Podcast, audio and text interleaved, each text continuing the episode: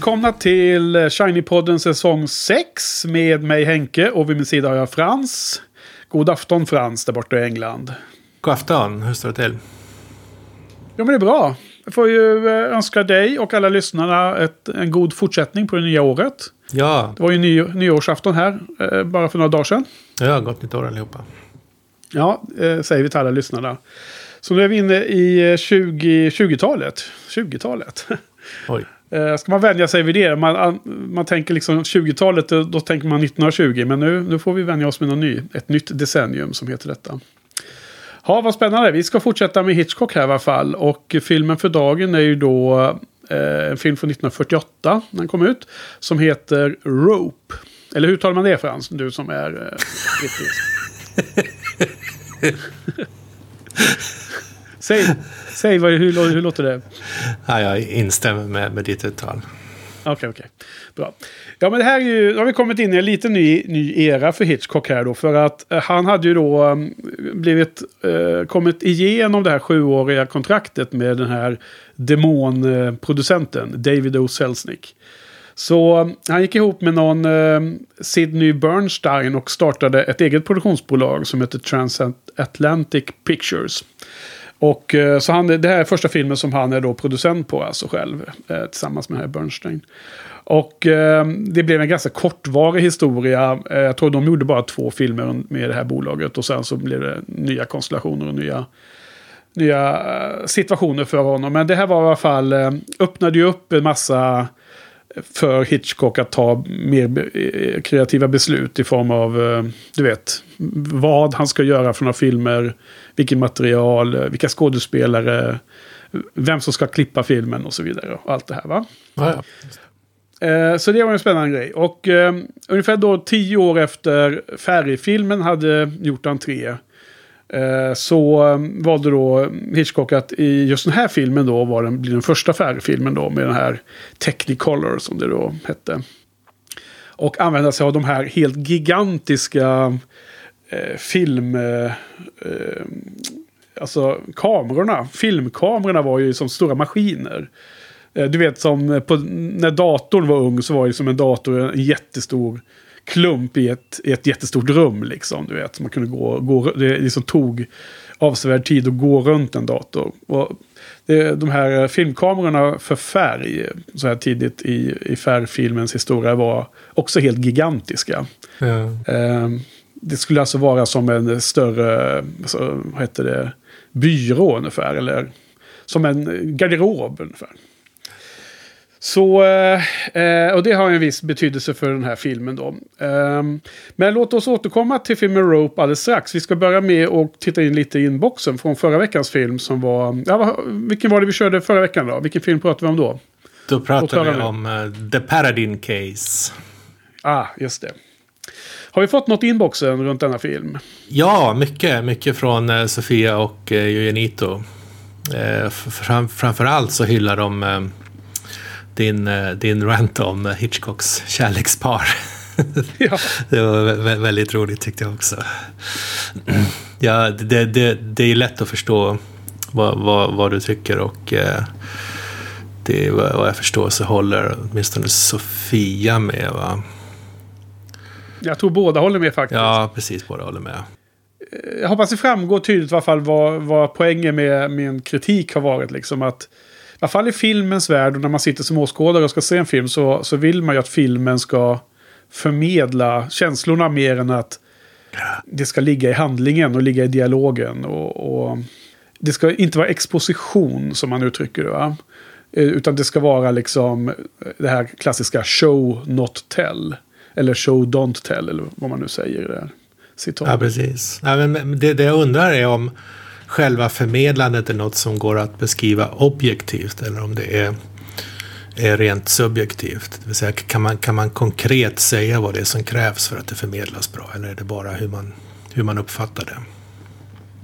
Ja, precis. Nej, men det är nog, det, är nog säkerligen, eller det är nog med, med all sannolikhet en väldigt subjektiv sak som man, eh, hur man uppskattar en films eh, eh, eventuella framgång eller icke i detta område. Men man kan ju självklart se om, om, om eh, liksom många upplever en film väldigt romantisk. Eh, då är det ju en indikation på att de har lyckats bra på något sätt. Eller, alltså om, om, om många kan beskriva varför man tycker att det lyckas bra inom detta område, precis som många andra inom film. Eh, det, det, är ju så himla bra med film att exempelvis podda eller skriva blogginlägg om film. För att det finns ju så många saker man kan analysera och tycka är bra eller dåligt gjort. Liksom. Medan jag, jag har ju upptäckt att det är mycket svårare att podda om musik som är Alltså där, eh, eftersom jag inte är musiker själv så är det inte så att man, man går in och dissekerar hur plektrumet eh, eh liksom förs över strängarna och liksom hur man rent tekniskt spelar på pianot. Utan det är ju bara det här subjektiva mottagandet av en slags känsla. Vilket är jättesvårt att beskriva eller liksom kritisera med, med, med samma sätt som man kritiserar film.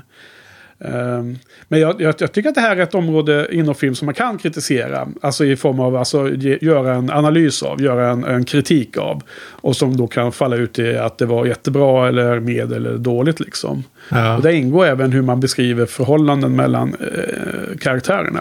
I allra högsta grad tycker jag. Ja.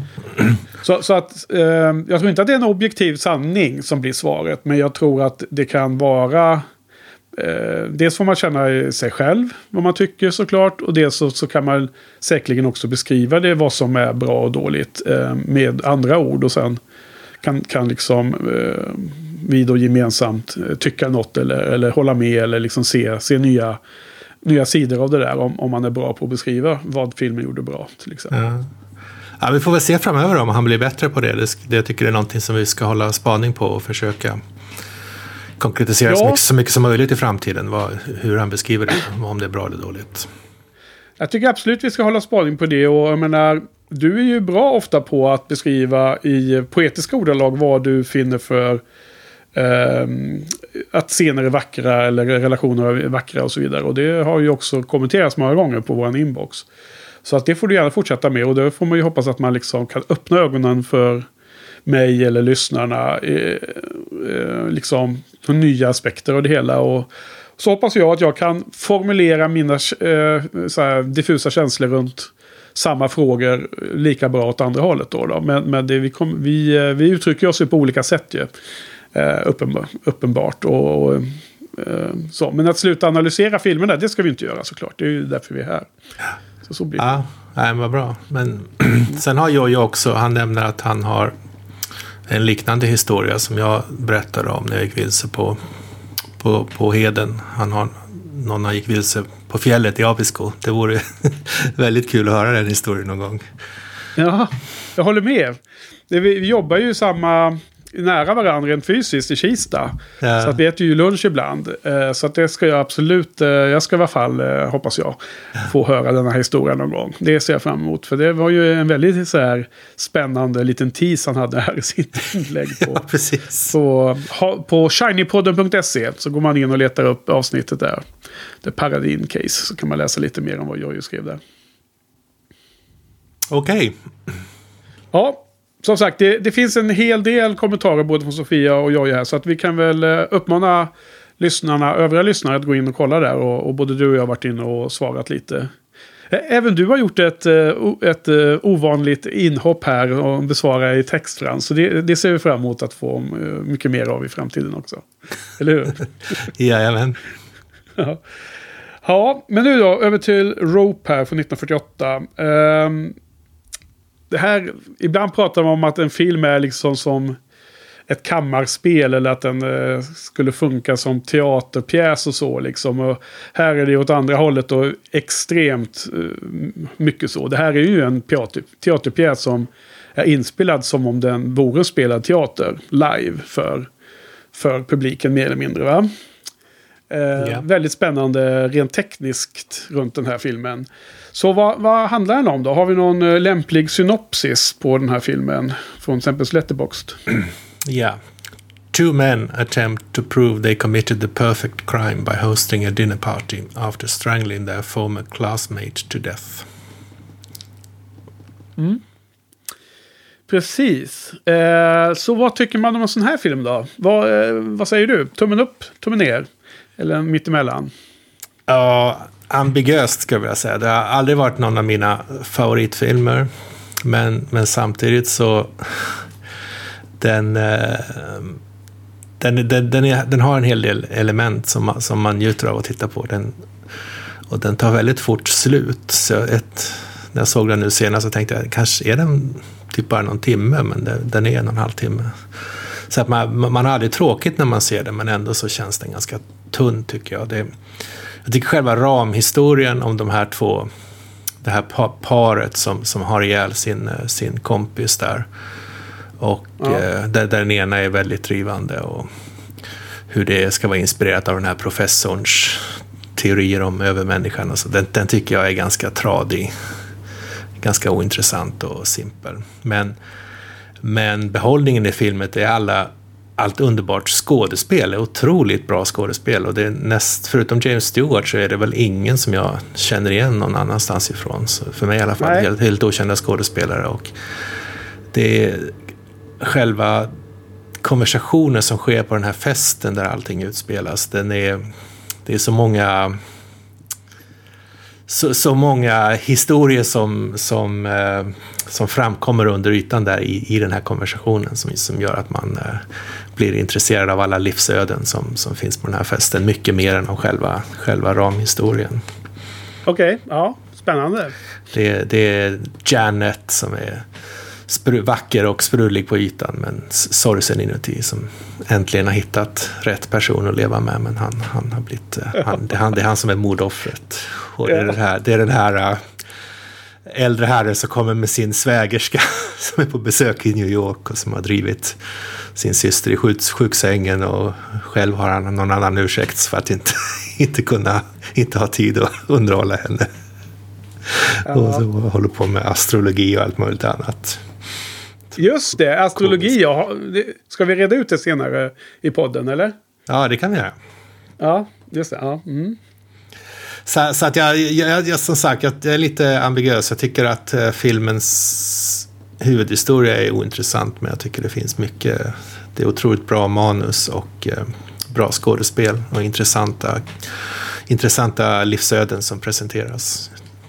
Ja, får jag, får jag um, pröva, försöka mig på en gissning här. Att du menar dialog i manus och inte själva manus-manus då. Eftersom du inte tyckte att huvudhandlingen var något intressant. Ja, precis, precis. Alltså den, vad ska man säga, den hela konversationen som sker under större delen av filmen ja. under, under, under, um, under festen här tycker jag är intressant. Ja. Och det, det är allt som ja. ligger un, under ytan där. Så jag tror att det, det känns att det är en, en bra pjäs som ligger till grund för det här. Mm, precis. Det var ju någon eh, brittisk pjäs detta. Som eh, eh, skrevs av Patrick Hamilton. Ja, precis. Jag tycker det är, det är, det är många, många, många personer som eh, kommer fram väldigt tydligt med, med enkla, enkla medel. Få, få ord och enkla medel. Det känns som att det ja. tyder på en viss skicklighet. Så, så vad landar du i då? Du gillar ja. det? Mer... Eller? Medel? Ja, medel ska jag säga. Ja. Ja. Ja. Eh, Tycker du då? Nej men jag... Jo, jag... Alltså, den är ju eh, väldigt välkommet ganska kort då. Den är faktiskt till och med kortare än vad du nämnde tror jag. För att en timme och 20 minuter klockan in på det. Och, och, och, det är ju väldigt kort jämfört med Hitchcock har ju oftast filmer som är närmare två timmar då. Och då är det ju liksom, ja, då blir det en rejäl skillnad. Um, och jag satt ju och nöt, njöt mestadels hela filmen igenom och kände att det här var en av de bättre filmerna vi har sett då. Uh, måste jag säga. Och jag tycker att det beror mestadels på att dels så jag tyckte att det var en spännande huvudstory. Som den, den som du kanske inte var lika intresserad av. Och jag kände att den var... Uh, skapas en sån här väldigt härlig Hitchcock-spänning i slutet av filmen framförallt. När det var en scen när eh, The May där, vad hon nu hette, Mrs Watson eller vad hon nu hette, dukade av den här kistan och bort med allting och kandelabrarna och så här. Och skulle liksom eh, återföra böckerna och lägga tillbaka dem på sin plats i kistan. Och eh, festen pågick på sidan och man, kameran var bara liksom helt stationär. Man såg bara hur, kistan blev mer och mer avplockat. Och, och, fram till den här sekunden när de skulle öppna locket. Jag tyckte det var väldigt spännande. Byggde det där och exakt den här suspensen som Hitchcock pratade om um, tidigt i sin karriär. Att, att bara för vi vet vad som finns där i så blir det väldigt spännande. Ja. Det är liksom inte, bygger inte på att det ska vara plötsligt explodera en bomb. Utan det bygger på att vi vet att bomben finns under sätet liksom. Som gör den spänningen. Så jag, jag uppskattar faktiskt den biten en hel del. Men, men framförallt då ännu mer eh, så är det precis som du var inne på. Bra skådespeleri och, och otroligt eh, lätt sam, eller vad ska säga. Eh, väldigt eh, underbar dialog. Som jag tycker var, har saknats i ganska många av de filmerna som vi har kört nu. Den senaste säsongen här nu. Eh, det har varit liksom lite för allvarliga filmer kanske för mig. Och, och um, jag tyckte dialogen var, den var underfundig eftersom det var de här två um, unga männen då som hade utfört det här mordet och som, som då eh, Eh, bjuder på en eh, eh, kvällsmiddag slash fest. Eh, där de då liksom eh, antyder hela tiden, framförallt för sin professor där då, James Stewarts karaktären, liksom, eh, vad de har gjort egentligen. De, de, de balanserar på en, en, en eh, slak lina då. Och framförallt han då som, som är huvudpersonen av, av skurkarna, han som heter Brandon. Eh, Men det är också otroligt humoristiskt. eh, Med, med, framförallt hon Jan, Janet, spelas av Joan Chandler. Som, som du hade fiskat upp att hon var en sorgsen person, eller vad sa du? Eh, Ja, det, kän, det känns som att hon är sor sorgsen under ytan. Ja, för att hon har haft många pojkvänner då så ska man kanske Ja, tänka så. och, och de, de, de bryter upp med henne och, och de, hon vet inte riktigt varför. Och det känns som att hon har, hon har ett djup som hon aldrig riktigt har lyckats... Hon har på, något sätt varit ett offer, ett offer för sin skönhet kanske. Ja, Där han, han Ja, före ja, före det är detta pojkvännen, när han, när han säger till slut, på slutet säger han någonting att ja, det var härligt att vi kunde prata. Jag hade ingen aning om att du var så och så slutar meningen. Men att Ja. man för- förstår att hon, han hade, förstod inte hur, att hon var en, hur, hur, hur djup hon var egentligen. Han hade bara Ja, precis. sett henne till ytan. Så det är väl hennes, Ja. hennes sorg tycker jag. ja eh, hennes sak kanske. Eller så var vi ganska unga. De var väl nyligen slutat på universitetet. Så kändes det som att det var kanske en sån fas. Ja. Jag vet inte. Jag, jag såg inte det som, ett, som att hon var en sorglig figur. Liksom. Jag, jag tyckte snarare att hon var en otrolig... Alltså jag, jag ser vad du ser. Men det var, inte, det var inte det som signalerades i första ledet i mina ögon. Utan hon var ju liksom Eh, en otrolig energigivare i filmen. Speciellt i inledningen av den här festen. Då, då. Eh, som jag tyckte hon var otroligt festlig. Vi, vi eh, mässar ju lite olika kommentarer där till varandra för mig. Men, eh, men eh, hon, hennes dialog framförallt var otroligt fyndig väldigt länge. Sen, sen så eh, blir det ju mer ett... Eh, en duell mellan James Stewart och han Brandon allt eftersom filmen går då tycker jag. Eh, men, men jag håller med om att alla, alla de här sju, eh, eller vad är det? Åtta, eller hur många är det? Eh, jag tror det är åtta stycken skådespelare som är i det här kammarspelet. Är ju väldigt bra castade och väldigt bra framförda. Och, och hon den här äldre kvinnan som är med som är då moster till han som blivit mördad. Hon är också jäkligt festlig. Helt uppe i det blå och det är massor med lustiga eh, detaljer i dialogen runt henne. Så det gillade jag. Eh, men det är ju bara liksom, det är egentligen, då har vi kommit så långt när man har tittat på filmen liksom. Och sen brukar jag ju då roa mig med att se på um, dokumentärer och man läser lite om filmerna hit och dit. Och då måste jag säga att liksom intresset runt den här filmen har ju vuxit mångfalt efter att jag har sett bakgrundsmaterial och, och liksom ha en kontext och en, en förs- mycket djupare förståelse för väldigt många olika faktorer runt den här filmen.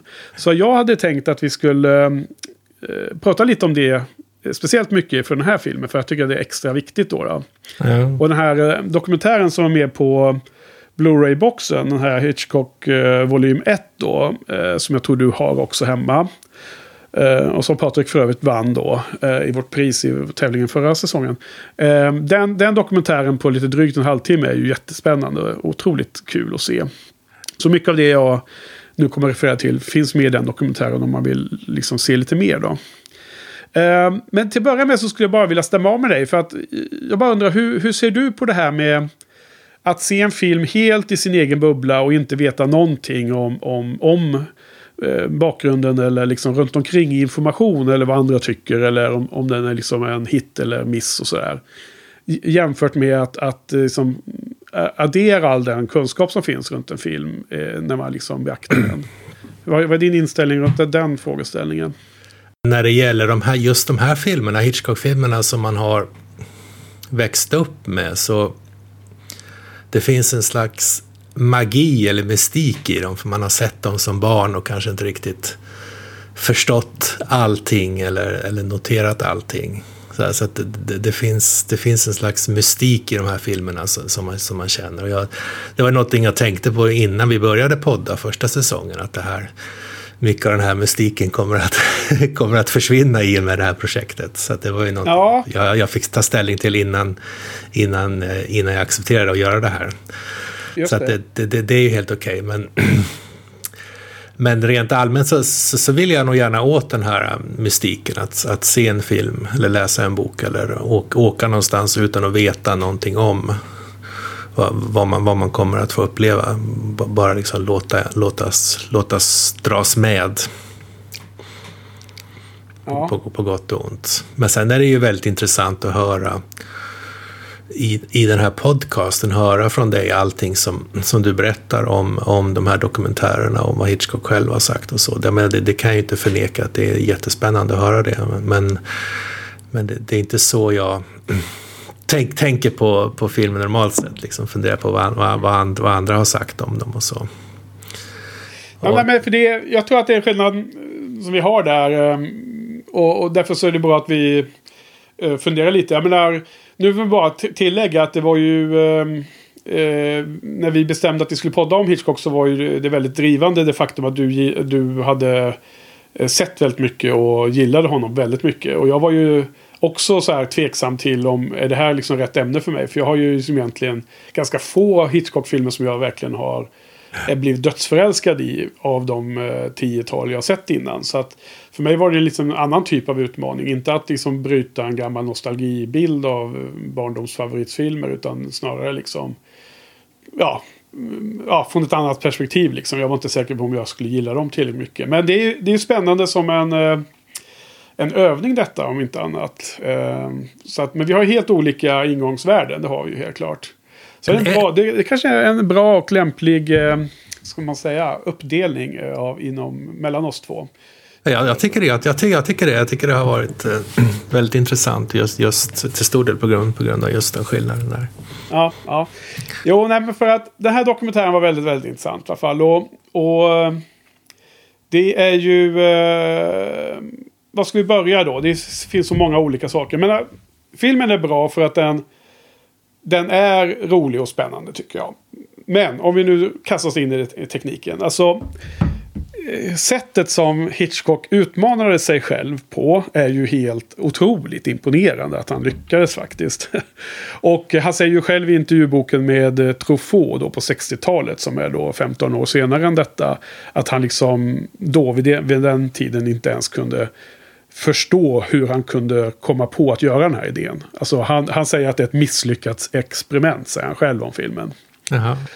Och eh, den, den, gick ju plus, det gjorde den. Och jag för mig att nästa film vi ska prata om nästa vecka, den gick ju bra mycket minus. Så att de här, eh, de här två åren med ett eget produktionsbolag var väl inte ekonomiskt jättelyckat för honom. Men den här gick ju plus, men liksom barely. Eh, den gick ju... Den kanske kostade runt en och en halv miljon dollar och drog in 2,7 eller något sånt där. Så det var ingen... Eh, det var ingenting som gjorde att han, han kunde pensionera sig för resten av livet liksom. Men vad han har gjort är ju att han har ju tänkt sig att göra en film som i realtid och helt utan klippning då. Och det är därför de här 80 minuterna är viktiga. För liksom det, var, det var så länge den här, den här inledningen före festen och sen fram till att festen tar slut. Och polisen är på väg. Det skulle vara så lång tid. Även om det eh, anses att, att det finns vissa time jumps. Eh, för man, man liksom, om man mäter på hur, hur snabbt en solnedgång på sommaren i New York är så går, det, så går solen ner lite för snabbt. Då. Och allting är gjort i en studio. Så att det börjar med så har de ju en, en jättestor eh, backdrop som, som visar skyline från New York. Och där de har ett stort avstånd till den här jättestora duken. För att emellan eh, skyline-bilden och själva fönstren som man ser i studion så har de ju någon slags spunnet glas eller vad det var. Jag, jag, kan inte riktigt förstå vad det är på engelska. Men de här molnen som flyttas kontinuerligt. Ja, okay. De är gjorda av någon slags eh, glashistoria. Och de, de flyttas hela tiden, så här, lite lite. Så fort man klipper bort ifrån skyline så, så flyttas de en viss sträcka åt höger eller något sånt där. Så att det är som att himlen, de, de, det rör sig. Och eh, det börjar på dagtid och sen blir det ju kväll. Och då ändrar de ju också färgen och det är en solnedgång och sånt. Så att de är ju massor med tekniskt utmanande saker bara i bakgrunden. Men, det, jag, måste, sen, jag måste fråga om det här med realtid. Ja. Det känns som att det inte bara är sol, solens gång som är orimlig utan även att de har ju en hel fest där med mat och dryck och konversation och sådär. Att det, att det skulle gå... Det, det, det borde ju ja, ta det... flera, flera timmar tycker man. Ja, alltså en, en fest skulle kunna vara flera timmar men jag tycker inte att det eh, motsäger så som det vi får se. Eh, gästerna kommer, tar en drink, de pratar och sen tar alla mat. Alla har mat i knät och äter och så vidare. Och sen är det ju det här samtalet med med, med, med mamman då till eh, mordoffret. Davids mamma då, när hon har brutit ihop. Som gör att det blir en väldigt hastig av, avbrott av, av eh, festen. Ja, ja, just det. Det har du rätt ja. Just det. Men, men eh, om man går in i detaljer där. Det finns säkert de som kan gå in och, och dissekera sönder det här. Men det är liksom det, det som är själva idén med filmen i alla fall. Och, och då var det ju så här att eh, då hade de på den här tiden 10 minuters långa reels. Eng engelskt ord, reel. Det är alltså en film. Eh, med, hur långa filmsnuttarna kunde vara innan man var tvungen att byta film i kameran. Mm. Så, att, så att tio minuter är det mesta man kan filma. Och sen, sen måste man byta filmrulle i själva inspelningstillfället. Så att de har ju då spelat in i tio minuters sektioner. Och Eh, sättet att eh, undvika att man ska se att det är ett klipp då när de byter reel. Det är att de zoomar in på något som är stationärt. Alltså ryggen på en kavaj eller ryggen på en stol eller något sånt där. Det syns ju då ganska tydligt. Eh, och, och, det är ju inte så här supernice gjort tycker jag. Eller, alltså det är good enough. Man, man liksom ser ju att det inte är one take. Eh, och nu i moderna filmer så um, latchar ju en del filmmakare med att det ska vara one take. Och jag tror det finns någon ganska modern film som är gjord det också. Vad den nu hette. Jag kommer inte ihåg det. Jag har inte sett den rackaren. Men det pratade alla om för några år sedan. Det var något tjejnamn. Eh, det, får, det får jag eller någon annan eh, skriva i kommentarerna vad den filmen hette. Eh, men i alla fall. I, det, här var, det här var helt nytt då. Och det var fortfarande helt nytt när till exempel dokumentären filmades någon gång i början på 2000-talet gissar jag att dokumentären gjordes. Och då pratar man om att det fortfarande inte har funnits någon film som har varit i en tagning. Så att... Ehm, eh, eh, sen då i biografen så hade man ju ett antal rullar och du vet man måste byta filmrulle när man visar filmen för, för publiken i det läget. Ja. Och då var det tydligen 20 minuters intervall tror jag. Om jag förstod det hela rätt. Så därför har också Hitchcock planerat för att det finns sådana som tydliga klipp. Och det är då när man byter rulle i, i filmbiografen. Så att där vill inte han... Därför att det var tydligen någon, någon aspekt att det, det, var svårt att få, få till den där, det där. Att det skulle se ut som att det var one take. Så att eh, på Wikipedia-sidan för Rope, på engelska Wikipedia-sidan, så finns det en liten tabell där man ser varje exakt eh, när varje reel tar slut och när det är en sån eh, close-up som fade mot en eh, mörk baksida och sen mm, att kameran zoomar ut från den igen. Alternativt att det är ett riktigt klipp då. Så, så när, de, när, de har, när de har filmat tio minuter så, så Eh, så filmar kameran till exempel baks, baksidan eller någon rygg då eller någonting statiskt. Ja. Och, sen, och sen så byter Zoomar de... in på en rygg va? Och sen, sen så by, de... byter, de, byter de filmrulle, zoomar ut igen. Är det, är det allting i ett liksom? Så skådespelarna väntar några sekunder och sen fortsätter de? Ja, då, då gjorde de så att de repeterade en dag. Och sen spelade de in en dag.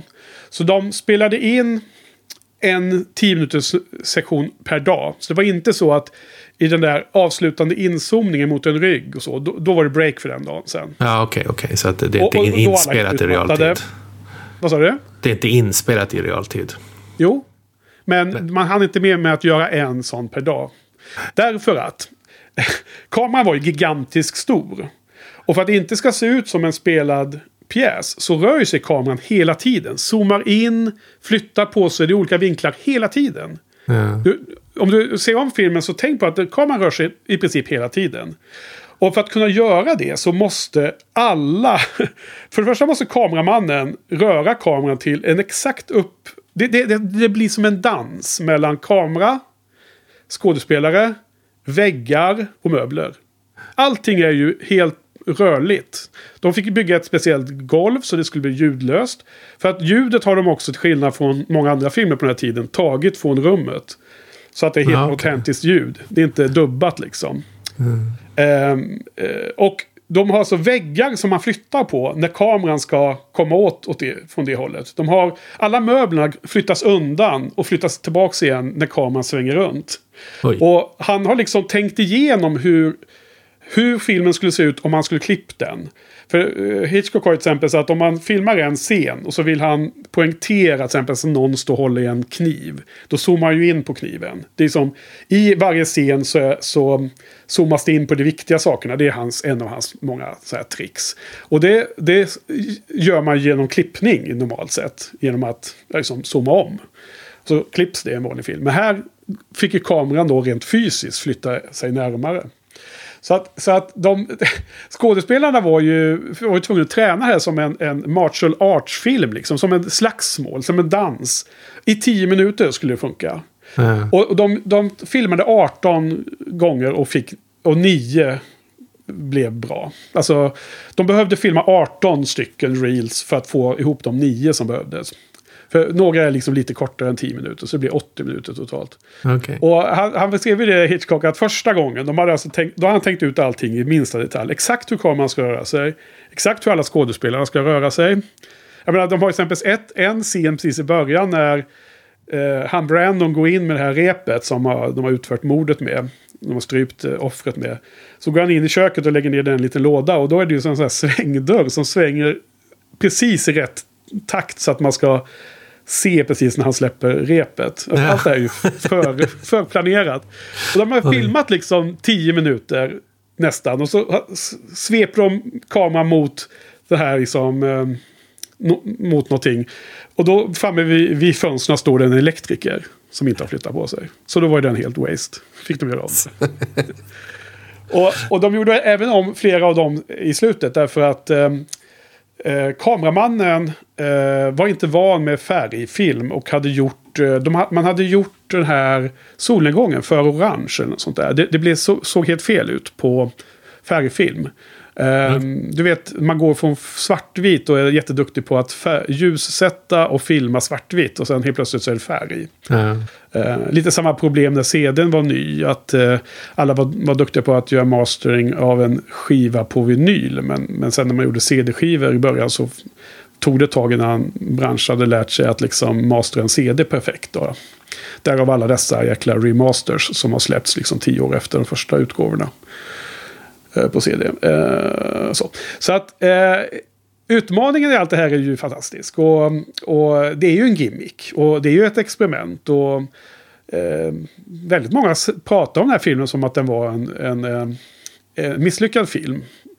Och det beror ju mestadels som en annat skäl som vi ska komma till alldeles strax. Men, men eh, jag, jag tycker att det här är festligt. Alltså, alltså, eller festligt är fel ord. Jag tycker att det är, eh, det är en spännande aspekt av hela filmresultatet. Att veta om detta. Ja.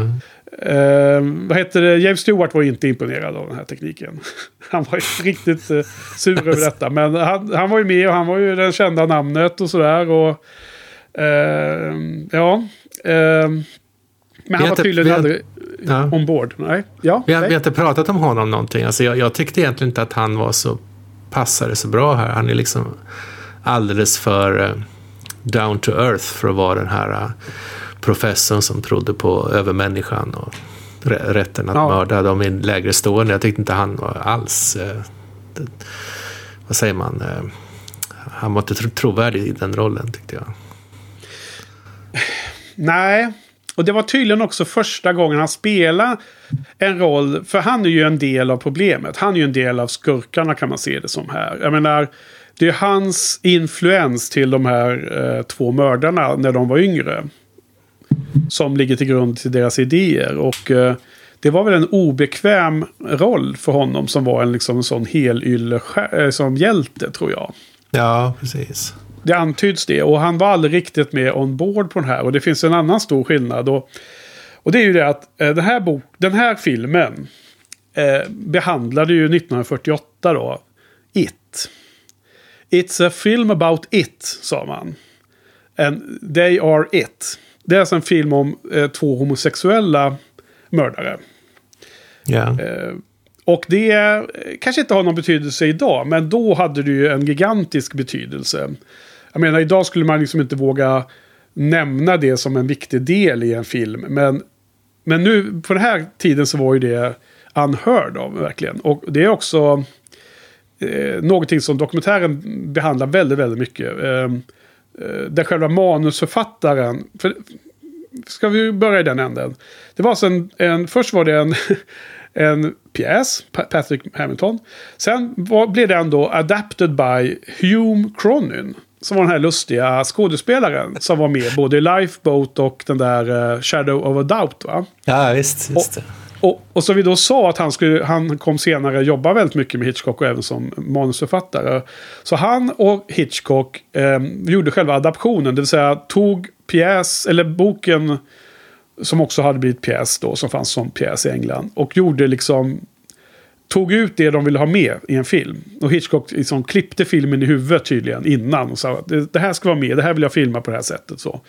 Och sen, så, så, så de, de jobbar hemma i hans eh, villa i Bel Air under x antal tid. Då. Och eh, han nämner det i intervjun att ja, varje dag runt lunch så börjar vinflaskorna dyka upp hemma hos Hitchcock. Så satt de och drack vin och gjorde den här adaptionen.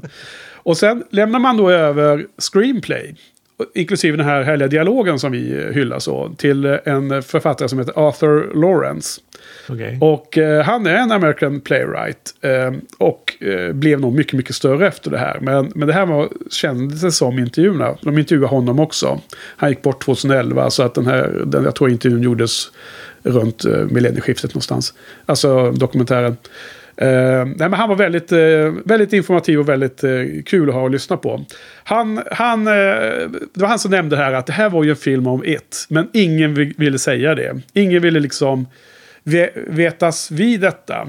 Och han hävdade också att det, det var antagligen därför filmen inte gick så bra helt enkelt. För att folk var helt eh, anti. Liksom. De vill inte se.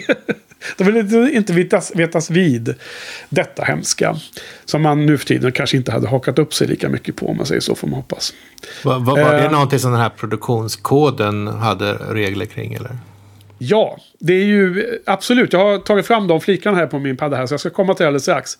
Därför att det är, det är ju... Eh, eh, tanken i eh, manus är ju att... Först och främst är ju de två huvudpersonerna. De bor ju ihop. Och eh, de ska åka iväg på semester ihop och allt vad det är. Så de är ju ett par. Det är ju ganska tydligt.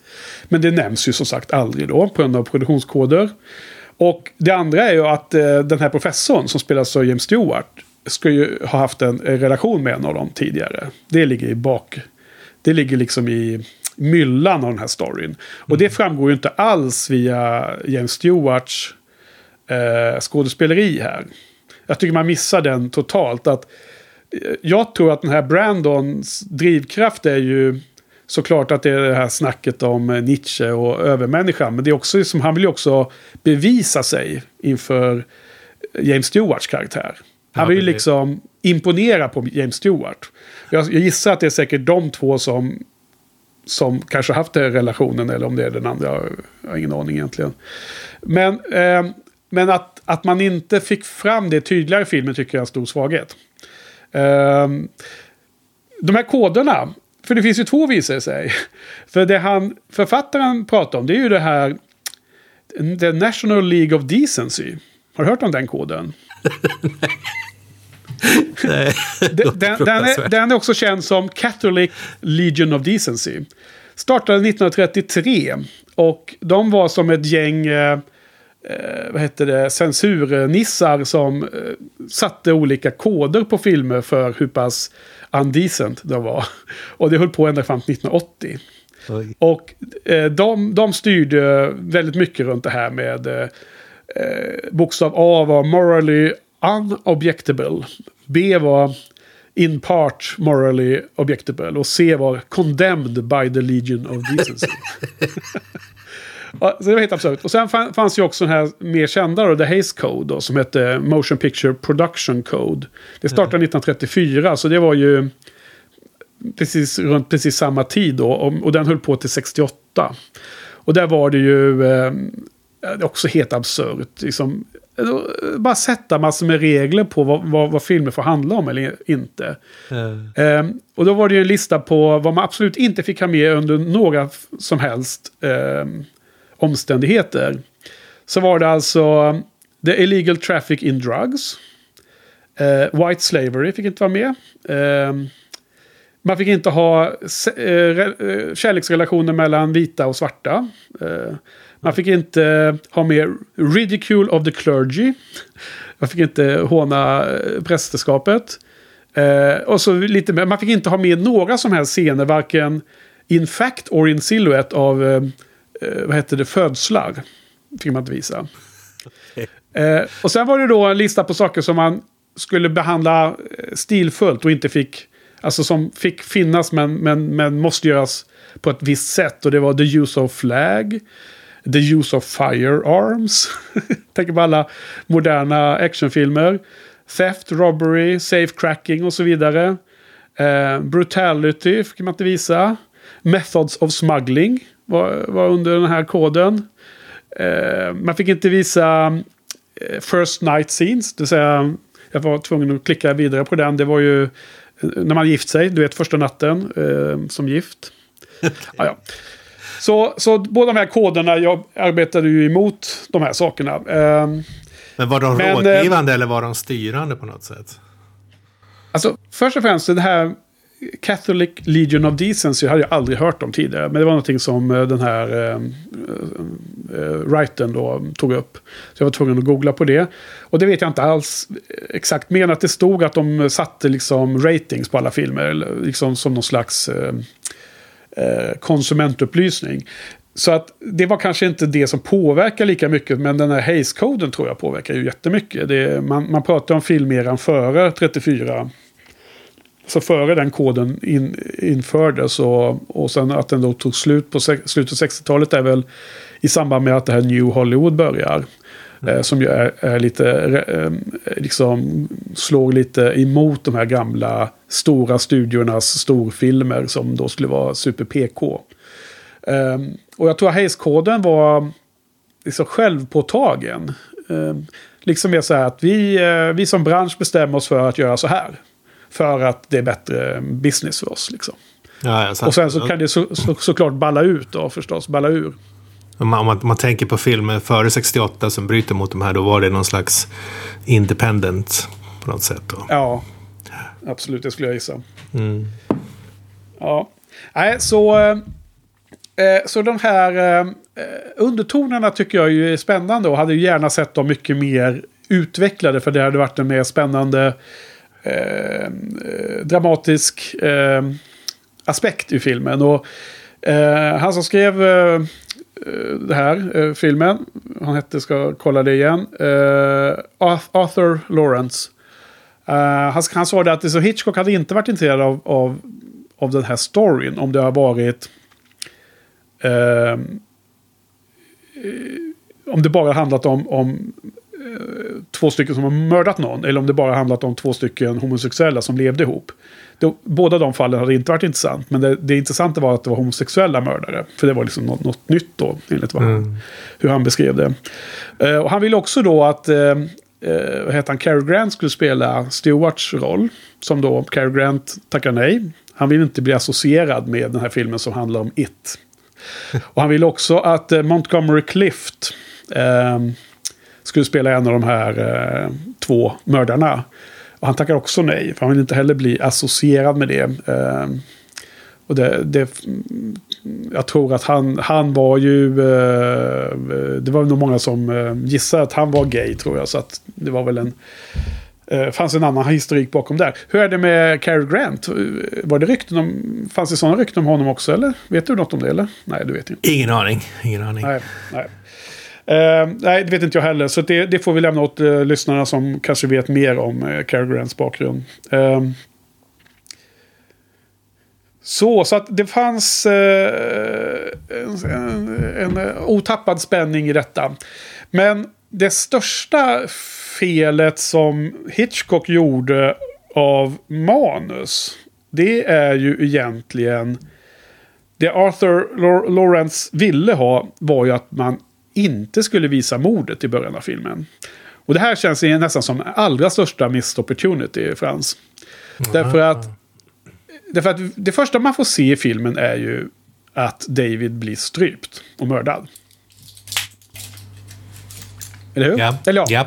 Det allra första är att man får se en establishing shot på gatan utanför. Och sen så kommer vi in i lägenheten. Sen är vi i lägenheten hela filmen. Men det första man får se i lägenheten är ju, vi klipper rakt in mitt i mordet när de tar ihjäl honom. Och sen, ser, sen lägger de honom i kistan och sen så kommer hela den här middagsbjudningen. Och, och det är ju för att Brandon och framförallt Brandon då vill liksom visa sig på styva linan och ha en, en makaber fest och servera maten på kistan och så här. Eh, liksom, som då är en, eh, ja, liket ligger i och så här. Ehm, men eh, han som skrev manus hade ju tänkt sig att man inte skulle visa det. Så det skulle hela tiden, vi som åskådare skulle inte veta om det låg någon där eller inte. Då skulle hela det här snacket om var är David, kommer han sen, ja han kommer sen och nej han kommer inte sen. Allt det här hade blivit en spänning i sig. Och för att inte tala om när i slutscenerna när liksom, ska han öppna kistan, finns det någon där? Ligger ett lik där eller är allting bara ett, en, liksom en, en eh, påhitt av de här två världarna? Mm. Alltså det hade blivit en mycket bättre film. Ja, det har varit superfestligt. Ja, men det hade varit en... Eh, ja, men helt annorlunda upplevelse som... Eh, alltså, trots att jag visste att han låg där, att han var mördad, så tyckte jag ändå att det var spännande att se om, om de nu skulle öppna luckan där till slut. Vilket James Stewart gör i slutscenen då. Uh, men alltså det, det, det, känns ju som att filmen tappar ju lite när man bara betänker att hur jäkla bra det kunde bli. Och han säger så här. The, the, the real suspense in the movie is Is there or is there not a body in the chest? Det är, det är liksom spänningen. Och Hitch had a failure of the nerves, sa han bara. Han, han vågade inte genomföra det fullt ut. Och, och det, det, är ännu mer konstigt om man betänker att eh, på de här eh, extra materialet som är på de här Blu-ray och annat så brukar det finnas en sån här trailer med. Är det någonting som du brukar sitta och titta på? Trailers från mm, filmer vi har sett? Nej, det gör jag inte ofta. Nej, men du har ju den här Blu-rayen så nu kan du ju direkt efter vi poddar kasta dig fram till tvn och sätta på Blu-ray. Därför att trailern är ju en förscen till filmen. Vilket är Aha. otroligt festligt. De har alltså filmat en scen i eh, Central Park typ. Mitt på dagen. Som är mellan Jan Janet och David. Och eh, de sitter på en parkbänk och han friar till henne. Och den är jättebra. Eh, liksom, först så trodde jag att det var bortklippt material. Men, eh, för, det, för de visar lite kort från trailern i dokumentären. Men sen så slog jag över och såg hela dokumentären. Säga, I dokumentären visar de lite från trailern. Och, och sen såg jag hela trailern också. Men eh, det kan jag verkligen rekommendera. Och om vi Alltså till dig att se. Och om vi hittar den här på typ YouTube och så, här, så måste vi klippa in den i show notes. För, hans. Ehm, för att det är liksom en, en helt ny scen. De, de, eh, man får se det och ehm, David eh, säger att han ska gå och göra ett ärende. Och hon säger att ja men vi ses eh, på Brandons fest ikväll. Säger hon ju då. Precis som hon senare ehm, repeterar att hon har sagt då när hon sitter i, på festen och undrar vad David tog, tog vägen. Sen då så kommer James Stewarts röst in och som säger But uh, she would never see him alive again. Okay. And neither will you, säger han. Eh, och det bara, jo, vi får ju se det allra första scenen får vi se att han höll på att bli mördad. Så att jag tror även mellan eh, när man gjorde trailern så har man också tänkt sig att det inte skulle vara den här scenen då precis i början. Så att väldigt synd då att de fick in den. Mm. Sen kan jag också bara tillägga att trailern är ju då bra i en dryg minut. Och sen så får man då se slutscenerna i filmen också. Vilket är helt absurt. Jag hatar det fortfarande än idag. Trailer som visar allt för mycket av filmens handling och inklusive slutscener. Så att eh, den här trailern eh, fuckar ju också upp spänningen. Eh, jag menar, man får till och med se när Stewart lyfter på eh, locket till kistan eh, i, i trailern. Så att den är jättehärlig den första halvan därför man får se en helt ny scen. Som dessutom känns väldigt så här... Eh, Eh, bra, bra tease inför den här typen av film. Liksom. Mm. Eh, och kombinerat med att man inte hade fått se David överhuvudtaget bli mördad och inte veta om han låg i kistan eller ej. Kombinerat med den här första minuten från trailern. Där det varit liksom spektakulärt bra. Men eh, både Hitch eh, Failure of the Nerves plus eh, andra halvan av trailern är båda fail tycker jag. Just. Ja. Nej, nu har jag pratat mycket här. Eh, Vad, vad, vad, vad, säger du om allt det här? Eh, Bakgrundsinfon om allt detta. Eh, ja, det är ju väldigt intressant. Alltså, jag, jag tänkte på en sak när du sa om eh, före, före han blev strupt så kallar du för en establishing, establishing shot. Va? Ja, jag tror de det- refererar till det. Ja. Jag tyckte det var ganska läckert för att det är ju, han, han har ju kameran fäst på huset på andra sidan gatan under en ganska lång tid, va? någon minut åtminstone. Så att man förväntar sig hela tiden att någonting ska hända där, antingen i det huset eller på trottoaren där under det huset. Men sen Ja. precis, precis när filmen börjar så vrider han kameran typ 180 grader så att man ser att själva handlingen är egentligen i lägenheten på vars balkong kameran står. Det, det, tycker, jag väldigt fest, det tycker jag var väldigt Ja, okej, fest, det- fest, festligt gjort. Ja, det var ju, eh, det var ju en kul spaning. Jag, jag, eh, missade kanske lite den, den eh, vridningen av kameran. Men det, det, var, det var så vi kommer in i lägenheten alltså, eller hur? Ja, precis, precis. Ja, precis. ja.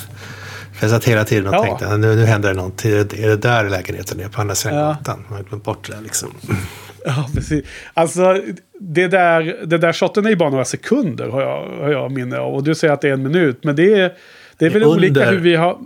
Under alla förtexterna, så det är ganska lång tid som man ser. Ja, ja, du räknar med förtexterna också. Just det. Okej, ja, men då blir det ju mycket längre. Ja, annars så tänkte jag att det var bara ett, en effekt av hur en sån spänn, upplevd spänning kan förändra uppfattningen av hur lång tid det är. Men du, du, eh, du räknar hela så. Okej, jag förstår. förstår. Ja, precis. Ja, men vad heter det? Annars är ju resten inne i lägenheten och vi, även om vi, det finns ett fönster och man kan titta ut och ner och så, så får vi aldrig någon sån här hög perspektiv mer än den här allra första shotten då. då. Eh, Men det, det är inte en sån här klassisk jojo-spaning där med någon eh, karaktär som håller på och dinglar och ramlar ner och sånt där. Utan det här är ju, vi saknar lite den där klassiska Hitchcock eh, med höga höjder saken va? Eller hur? Ja, precis, precis. Ja. En, en annan sak med Eh. det du sa, det du sa alltså, det är en teaterpjäs som är inspelad i, på, på, i någon mening i realtid. Men det känns ändå att det finns ju vissa filmer som man verkligen känner att det här är bara en pjäs de har en kamera på och det kan vara ganska, Ja. ganska tarv, ta- taffligt. Men här känns det verkligen inte som en sån utan det, det känns ju som en, som en riktig, riktig film liksom. Så det måste Ja, vara håller vä, vä, välgjort på något sätt. Men vad, vad, är, vad slår på analys-mode här? Vad, vad tror du är som gör att det inte känns som en eh, stageplay som bara är filmad rakt upp och ner? Ja, för, förmodligen allt det du sa om hur kameran rör sig, så att det finns någon slags eh, rörelse i filmen som man kanske inte har normalt sett i sådana teat- teaterfilmer. Nej, absolut. Det är en viktig bit. Jag tror också att det har att göra med den här fantastiska dialogen som känns mycket mer realistisk än ett teaterdialog. ja, men lustigt, för jag, jag tyckte att det, att det var... Vänta, jag måste tänka på det. Tvärtom. Ja, precis. Ja. jag tyckte att, att jag- den var så bra just därför att den hade ett fundament i, i en välskriven pjäs. Men det, det kanske inte, inte är rätt Jo men, det hade, jo, men det kan den ju ha oavsett. Men det kan ju vara antingen realistisk eller icke-realistisk ändå. Även om den har ett bra fundament. Jag bara, jag bara kände som att den var... Den kändes mer naturlig än eh, en eh, film jag tänker i huvudet som skulle vara mer en filmad pjäs. Ja, just det. Och de, de, de, står, ju- de står inte och skriker så att publiken ska höra och sådär. Och liksom vänder sig mot publiken när de pratar och så. Det är kanske en viktig del också. Ja. Ja, nej, nej, jag, jag menar eh, att det känns som att det var en, eh, en eh, mer naturlig dialog som var mer organisk som möjligt skulle kunna skett då. Sen, sen är det såklart, eh, det finns ju vissa extremer där de, de kommer in på en diskussion om det här Nietzsche och eh, övermänniskan. Och eh, det etableras det här med att James Stewarts karaktär då, den här läraren från skolan, eh, liksom är den som har introducerat de idéerna med att om man är intellektuellt överlägsen så har man rätt att välja ut eh, mordoffer som är då intellektuellt underlägsna och det var bara helt okej okay, tyckte ju Brandon och så. Medan eh, James Stewart inte tyckte likadant. Vi, vi, måste komma till den här slutscenen när, när, James Stewart helt plötsligt får spela James Stewart under någon minut där med något så här avslutande tal. Men, men innan dess, du får fundera på den Frans. Vi måste, vi måste kolla av vad, hur vi kände runt det egentligen. Så måste jag bara säga en sak innan jag glömmer av det. Att, um, uh, uh, jo, det var ju det här med att uh, dialogen och pjäsen. Och tydligen är det så här att han, han som skrev screenplay då, manus med dialogen, Arthur Lawrence, han, han, han, tyckte att det här var ju ett enkelt jobb för att det finns ju en, en pjäs och det finns ju en bok liksom. Mm. Men den är ju från Great Britain, den är ju engelsk. Och när han bara förde in de här eh, dialogen så, så blir den, kändes den helt fel. Eh, det blev eh, o, unintentional, alltså o, eh, ovälkomnat, eh, typ humoristisk. Så han, han, han, tyckte inte att det, det funkar alls. Så att han fick ju liksom lägga ner mycket tid för att göra eh, snacket mer amerikanskt. Och sen när han hade eh, skrivit klart sitt manus så eh, tyckte den här andra producenten som jobbar med eh, Hitchcock, han, Sidney Bernstein, att han skulle ge manus lite mer umf. Eller något sånt där. Jag kommer inte ihåg exakt hur han uttryckte det. Men han skulle liksom gå över det och göra lite mer förändringar. Men då, då skulle han, Lawrence, han skulle nej, tillbaka till New York och han hade inte tid att vara kvar i Hollywood. Så han hem med några veckor och sen tillbaka igen till eh, produktionen. Och då hade ju den här eh, producenten och Bernstein själv ändrat lite i, i manus. Så då hade han ju tagit lines direkt från den här pjäsen som vi nu pratade om alldeles nyss. Huruvida den var realistisk eller inte. Och då var det liksom överallt så kallade de varandra för My Dear Boy. Och sen så var det bara, nej det går inte. Vi kan inte prata om It så, så tydligt i den här filmen. Alltså det var ju inte menat med en homosexuell underton. Ja, i England så går det hem. Det finns, betyder ju någonting där. Eller bara ett uttryck som du säger. Men här i den här filmen, det, det skulle inte alls funka med, med dem. Så som det var. Så att då fick han ju skriva om det igen då. då. Mm. så att det fick ju tas bort då i slutet. Eh, så det var bara en liten lustig eh, anekdot om den biten då.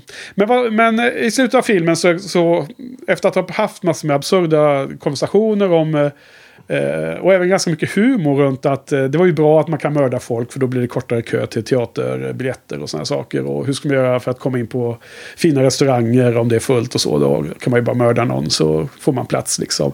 Och, och det var ju liksom spelas upp som någon slags eh, lättsam humor. Men, men det var ju ett allvarligt ämne såklart. Så att filmen måste ju avslutas med någon form av eh, eh, good guy håller ett eh, brinnande tal för eh, hur hemskt det här var då med det här mordet. Och det var ju såklart James Stewart som levererade den. Så vad, vad tycker vi om dem, den scenen där i slutet när han... Vad, vad, ska vi kalla det? Han, eh, vad gör han för något i sitt tal där? Vad är, vad är det för något? Han, han, han, han bara... Han skäller ut dem, eller vad ska man säga? Ett brandtal för värdet av eh, mänskliga livet.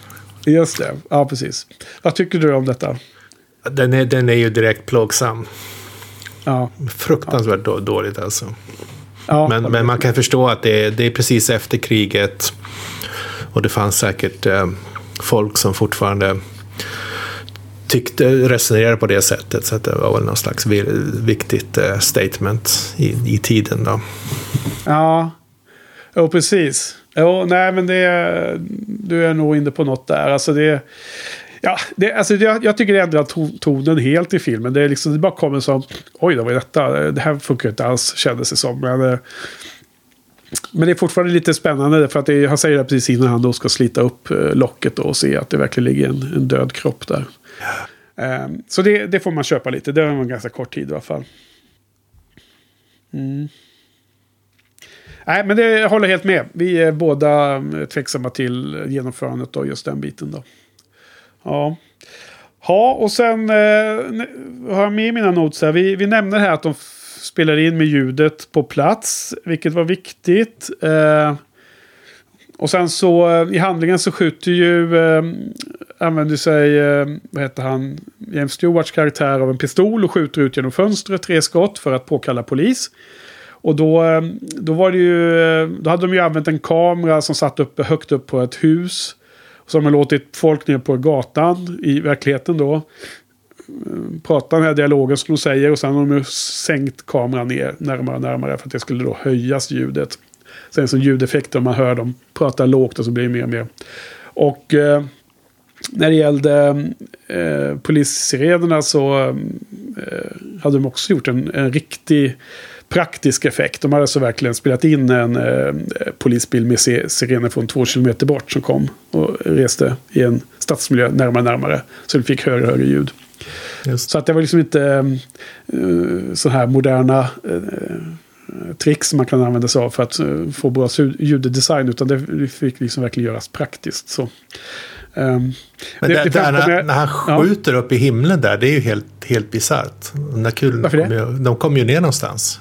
Ja, precis. Ja, men det, det är säkert ja, det, dö på ja. någon där. Ja, precis. Jag tror att det, man kan bli skadad av kulor som faller ner av tyngdkraften. Men jag tror inte att de är dödande om det inte är någon extrem olycklig otur. Liksom så. Ja, men det är många som, många som dör när de skjuter upp i himlen. Så här på, ja, hur många? festligheter. Ja, hur många vet jag inte. Men det är väl Säg, en, en siffra. Ja, ja. Jag, jag, kan, jag kan hitta någon bra utredning om det. Ja. Vad heter det? Men det var också mycket snack om att eh, Hitchcock hade liksom hela filmen i huvudet och att han kunde alla detaljer och hela tekniken och allting. Och bland så var det så att de hade en kameraman då som var eh, ovan med färgfilm och det här stora jävla åbäket då till film, eh, eh, filmmaskin då som de skulle dessutom flytta omkring i lite eh, som, eh, siffror på, på marken, på, på golvet då så att vid olika eh, saker de sades i dialogen så skulle man också alltså flytta kameran till nästa, nästa siffra. Från 1 till 2 till 3 och till 4 och så här. Och han, eh, han som jobbar med det, han hade ju som called in sick efter några dagar. Så han, han kom inte tillbaks. Jag tyckte tydligen det var inget bra sätt att jobba på. Så då fick, eh, då hade, då hade en teknikoller skickat någon konsult då, som hjälpa till med den nya tekniken. Så han fick bli kameraman istället. Och så Hitchcock körde själv tydligen också. Oj. Men du, den här lustiga Mrs Atwater då. Hon, eh, hon var ju astrolog då. Vad har vi på astrologi? Eh, shoot. Ja, det är väl en etablerad vetenskap. Ja, visst är det. Ja, det här med Jupiter och Neptunus och så här va? Ja. Och, och, nej, nej men, men, men eh, däremot så finns det den här boken som jag har glömt bort vad den heter av, som är skriven av han som jag också har glömt bort vad han heter. Om för, nu säger du precis för... som i filmen. Du säger that, that movie something with that, uh, with that uh, female lead, you know her. Ja, du, du, du, du, du såg den, det var bra.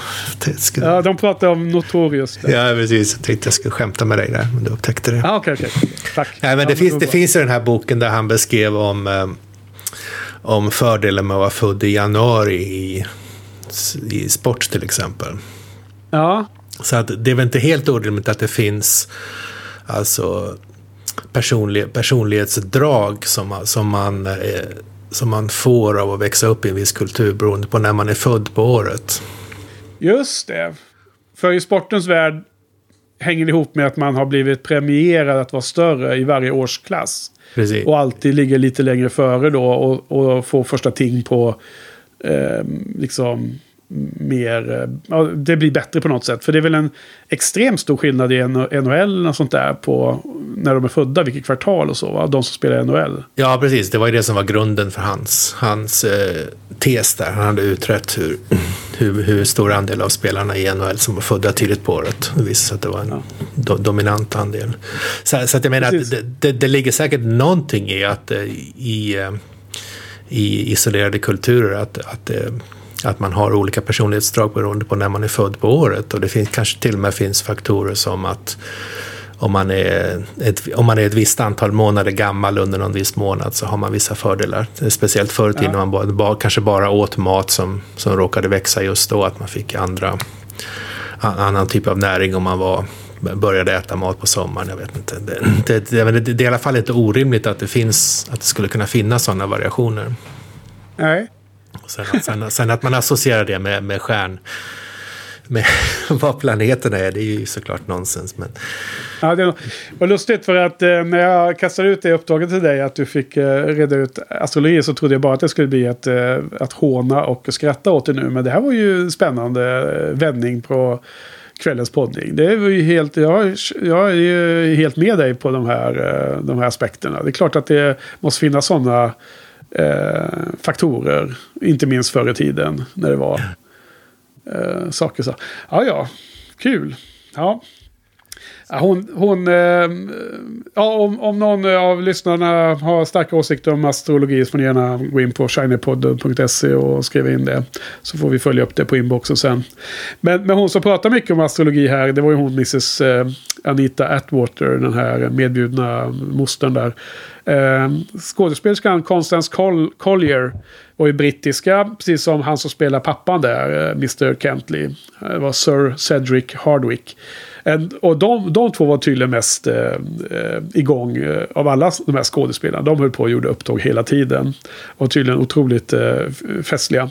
För på den här dokumentären så var han, han eh, den här lite mer nervösa av, av de två mördarna, han som heter Philip, spelas av Farley Granger och som för övrigt kommer att ha en av huvudrollerna i Strangers on a, on a Train tror jag.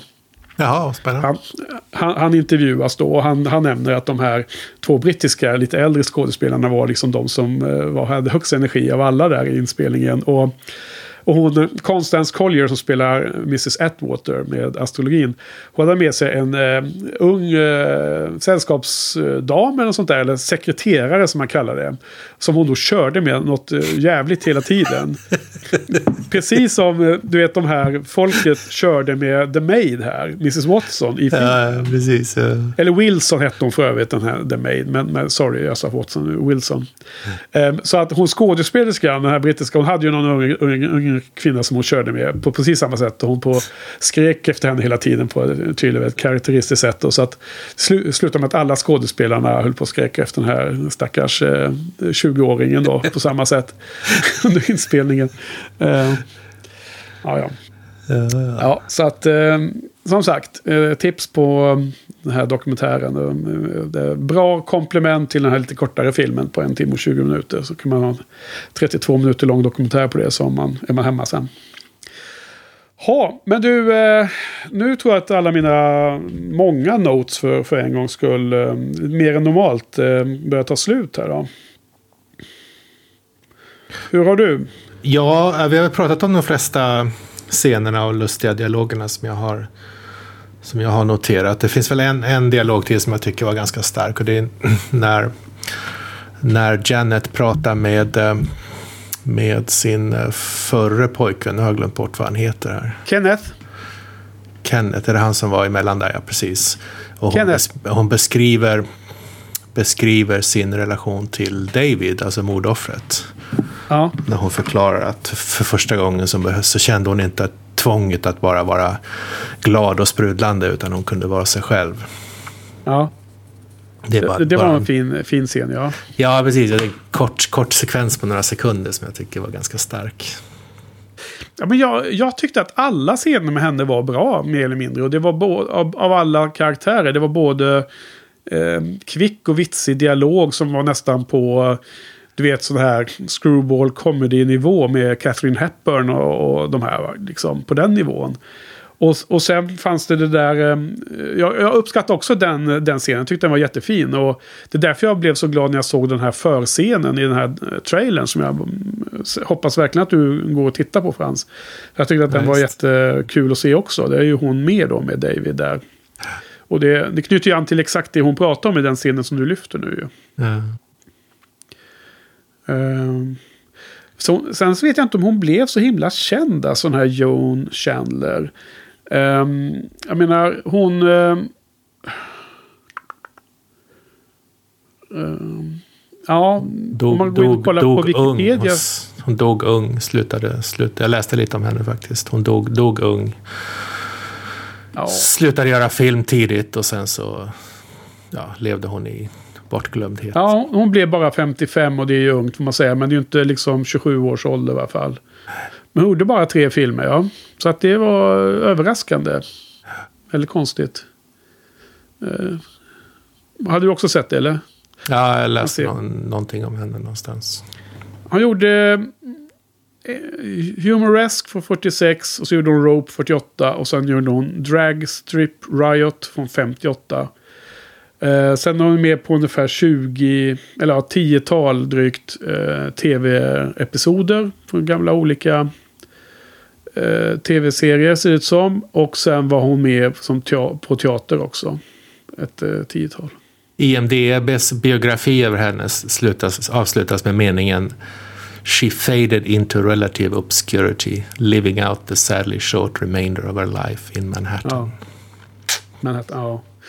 Född 1923, dog 79, ja. 55 år gammal. Ja, det var trist. Hon var väldigt frejdig. Jag förstår inte. Eh, mycket bättre. Nej, anledningen till att jag kollade upp henne, jag tyckte jag kände igen henne. Ja. Men det, det, det ja. var själva, själva personen man kände igen, kanske snarare än hennes skådespelaren. Då. Ja, jag undrade också om jag hade sett henne, men jag känner inte igen hennes utseende eller röst eller, eller liksom kroppsspråk och så som man ibland kan fånga eh, någon man har... Eh, eh, vad heter det? Som man ser på film då. Som kanske ändrat eh, med ålder och annat. Rösten brukar ju oftast vara det man kommer ihåg dem på, tycker jag. Speciellt mm. när man ändrat och blivit mycket äldre. Du vet, sådana som man eh, såg eh, när man växte upp såg man dem och då var de gamla redan. Sen ser man helt plötsligt när de är jätteunga. Det kan vara väldigt annorlunda. Jo, men vi har glömt en viktig sak. Och det är ju att det finns en lustig, eh, lustig att snacka om eh, Hitchcocks eh, cameo i den här filmen. Eh, Därför att Oj. det finns ju en, eh, det finns ju två stycken. Varav den ena är unconfirmed. Men jag kollar på den själv och den ser ganska tydlig ut. Uh, var det någonting du lade märke till? Oh nej, verkligen inte. Jag skulle, jag skulle ha till och med kunnat satsa pengar på att han inte gjorde någon cameo i den här filmen. Men så, så och, gjorde, och han, gjorde han två. Det fanns två. ja. Precis. för hur, hur får man in en cameo i ett... Uh, kammarspel likt detta, där det bara finns åtta skådespelare som man ser hela tiden. Det var så att han låg i kistan under hela filminspelningen. Nej, inte riktigt. Nej, men så här. Eh, du pratar om den här establishing shot som är i början. Och då, då går det faktiskt eh, folk ner på gatan. Och det går en man med, eh, och en dam från vänster till höger. Och det ser extremt likt ut Hitchcock. Ah, ja, såklart. Det är där Och jag är tämligen säker på att det är han. Även om den kallas för unconfirmed. Mm. Så att den som är confirmed är att i... Det här är väldigt lustigt. I... Just det, exakt den, den scenen som du lyfter som är så bra. Den är mellan Janet och Kenneth. När hon berättar om att varför hon gillar David. Så är ju vinkeln så att mellan deras två ansikten så ser man ut genom fönstren ut över den här New York eller Manhattan skyline. Och då på kvällen, det är ju precis när de eh, gästerna ska lämna festen, det är i slutet av filmen. Då har det blivit kväll. Och då finns det ju också i det här ut, på ut, som de har i studion, eh, små neonskyltar som börjar lysa. Och då finns det i bakgrunden en neonskylt som är gjord som den här, den här klassiska siluetten av Hitchcock. Du vet med stora magen och kinderna. Du vet det finns en siluett som är med på ja, ja. sån här. Ja. Och, och de har också gjort att det är som en reklam för den där Reduco. Från Lifetop. Är det sant? Ja. Jättekul. Uh, underbart. Det är ju näst bästa efter Lifeboat där han är med i tidningen ju. Ja, ja. så att det här har de återfört det. Ehm, så att den, den, den tror jag är tämligen ehm, etablerad som en, ehm, en riktig ja. cameo då. Ja. Uh, Reduco. Och uh, inte Reducto som jag tror det hette i Harry Potter. Uh, McGuffin dock, det vet jag inte om det finns någon här. Jag tror faktiskt inte det. Uh, jag menar, liket i kistan kan ju knappast ses som en McGuffin. Det är ju viktigt för alla perspektiv. Oavsett om vi är åskådare eller players i, i, i dramat. Mm. Just det. Ha, okej, okay. men du, var festligt. Jag tyckte ändå att det här var en ganska bra film, måste jag säga. Um, ah, okay. Men, men den, den, eh, tyvärr så känns det som att det hade varit så himla mycket bättre om man slapp se det här mordet de här första sekunderna. Om man haft en, en spänning på om det verkligen hade hänt ett mord eller inte. För, för jag menar, det är spännande. Det, det kan jag också kommentera Frans. Jag, jag, tycker faktiskt det är spännande med de här äldre filmerna. För man är inte helt säker på vad, vad det var för regler som gällde då. Alltså, man har inte sett eh, filmer från mitten 40-talet så mycket så att man är helt säker på att det ska gå på ett visst sätt. Nej, nej, visst. Alltså, visst. Förstår vad jag menar? Det finns vissa filmer idag. Som är så överraskande för att det slutar annorlunda än vad man trodde. Man, man har blivit för invand med ett visst typ av sätt att förmedla filmer eller berätta storiesar. Och, och när det bryts så blir man jätteöverraskad och så blir det jättepositivt. Tycker man att det var härligt liksom. Och när man ser de här gamla filmerna så känner inte jag riktigt att jag har den här järnkollen på hur en sån här film borde sluta. Uh, nu, nu, är det väl så att det nästan alltid är lyckligt, alltså i någon mening lyckligt slut. Och i det här fallet så betyder lyckligt slut att, att skurkarna blir ertappade. Men jag var inte helt säker på det. Och det var nog därför jag upplevde den här scenen när de höll på att duka av den här kistan och allting. Och att de skulle öppna kistan för att lägga tillbaka böckerna. Att det var väldigt spännande, för jag var osäker. Ehm, jag har liksom blivit inte spoilad på hur den här filmen skulle sluta. Alltså om de skulle klara sig eller inte. Men nu i efterhand kan jag ju som inse det orimliga i att ha en film där mördarna liksom get away. Det, jag förstår det också nu. Men mm. när jag satt där mitt i stunden så hade jag en lite sån känsla. Hur ska det här egentligen... Liksom, hur ska det bli det här? Och eh, hade, hade det dessutom varit så att man inte ens visste helt säkert om det fanns ett... Eh, ett lik där i en kropp i där. Utan man inte har sett eh, liksom själva mordet. Då har det blivit ännu mer sådana konfliktande känslor. Liksom, är allting bara en, en ploj av de här två värdarna till festen? Eller har de gjort ett mord och ligger han där och så fall? Och allt det här va? Det har varit eh, så himla mycket mer briljant. Varit mycket bättre helt enkelt. Ja, jag håller helt med om att man, är, man kan aldrig vara riktigt säker. Mm.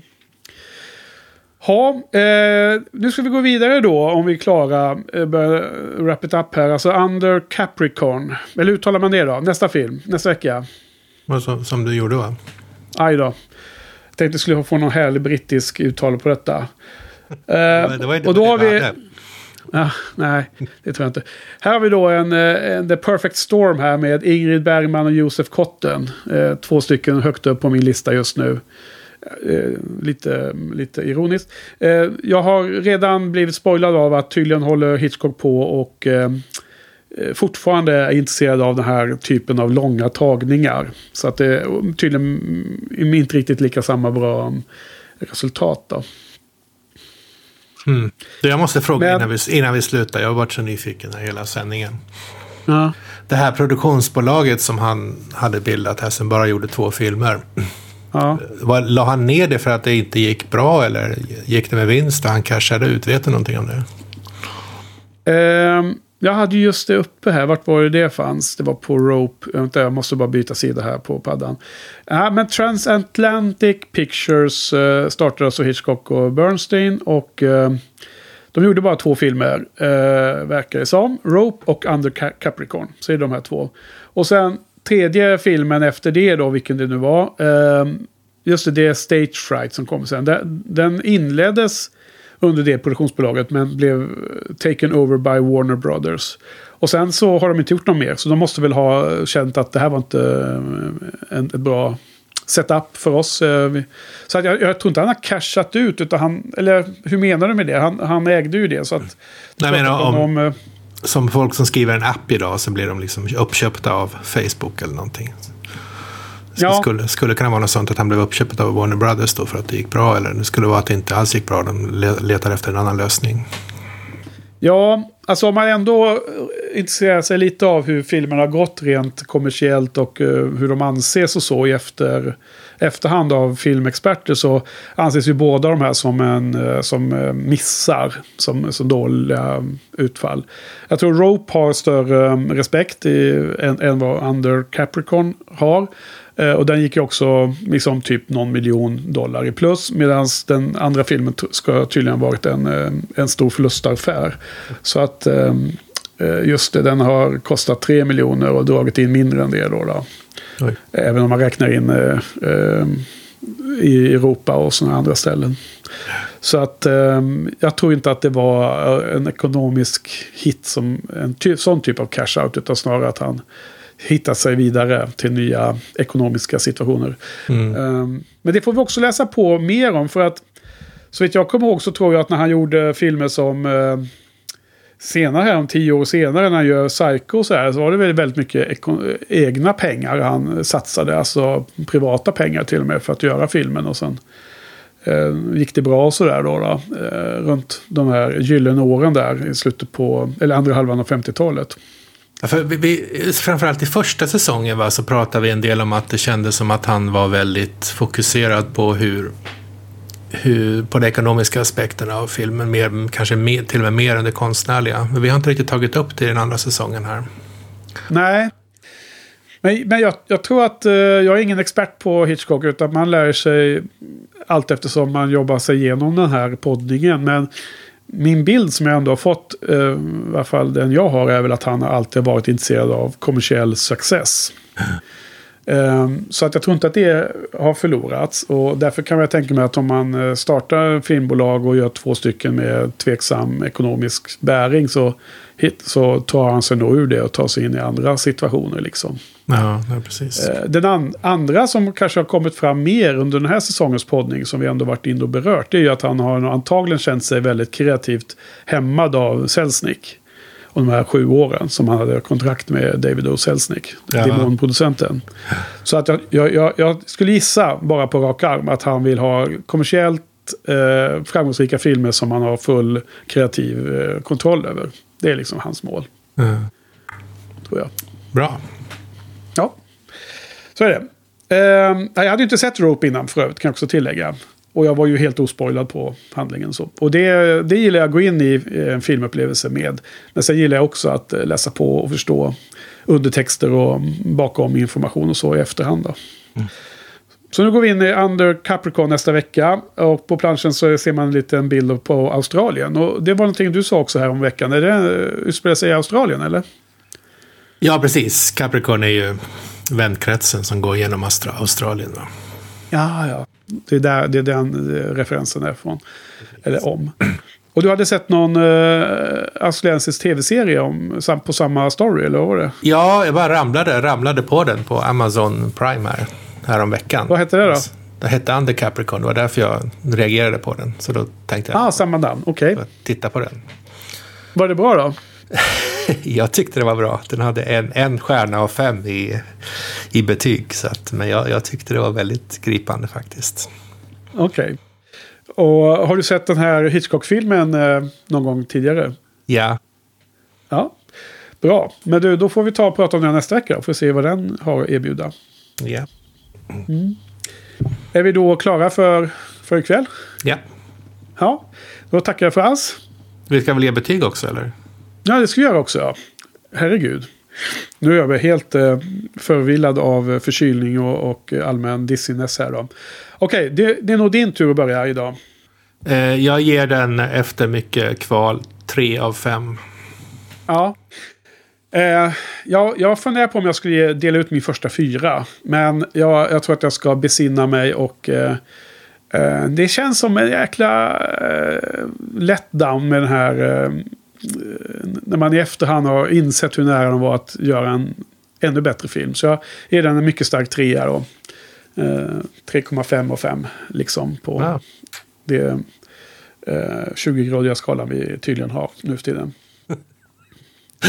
ja. Ja, det, är helt, helt, det är helt ditt ansvar att sätta skalan. Ja, det är mitt ansvar. Ja, vi låter den eh, vaja i, eh, för sig själv ett tag. Vi får se, vi får återkomma till det. Um, ja, men det, det är i alla fall uh, klart sevärd måste jag säga. Uh, det är en bra film. Uh, en av de starkare som jag tycker vi har sett från Hitchcock-eran. Och jag hoppas på mer av sån här ljuvlig, uh, lättsam och uh, bra dialog som gärna får innehålla drama men också måste innehålla den här, den här eh, lekfullheten och humorn som jag har saknat i vissa filmer. Det, mm. det, det, ser jag fram emot att få se mer av. Mm. Vad bra. Men då eh, tack Frans och så tackar vi till publiken och vi tackar till eh, Niklas Lundqvist för eh, vignettmusiken också. Ja, mm, tack, tack. På återhörande om en vecka. Adjö.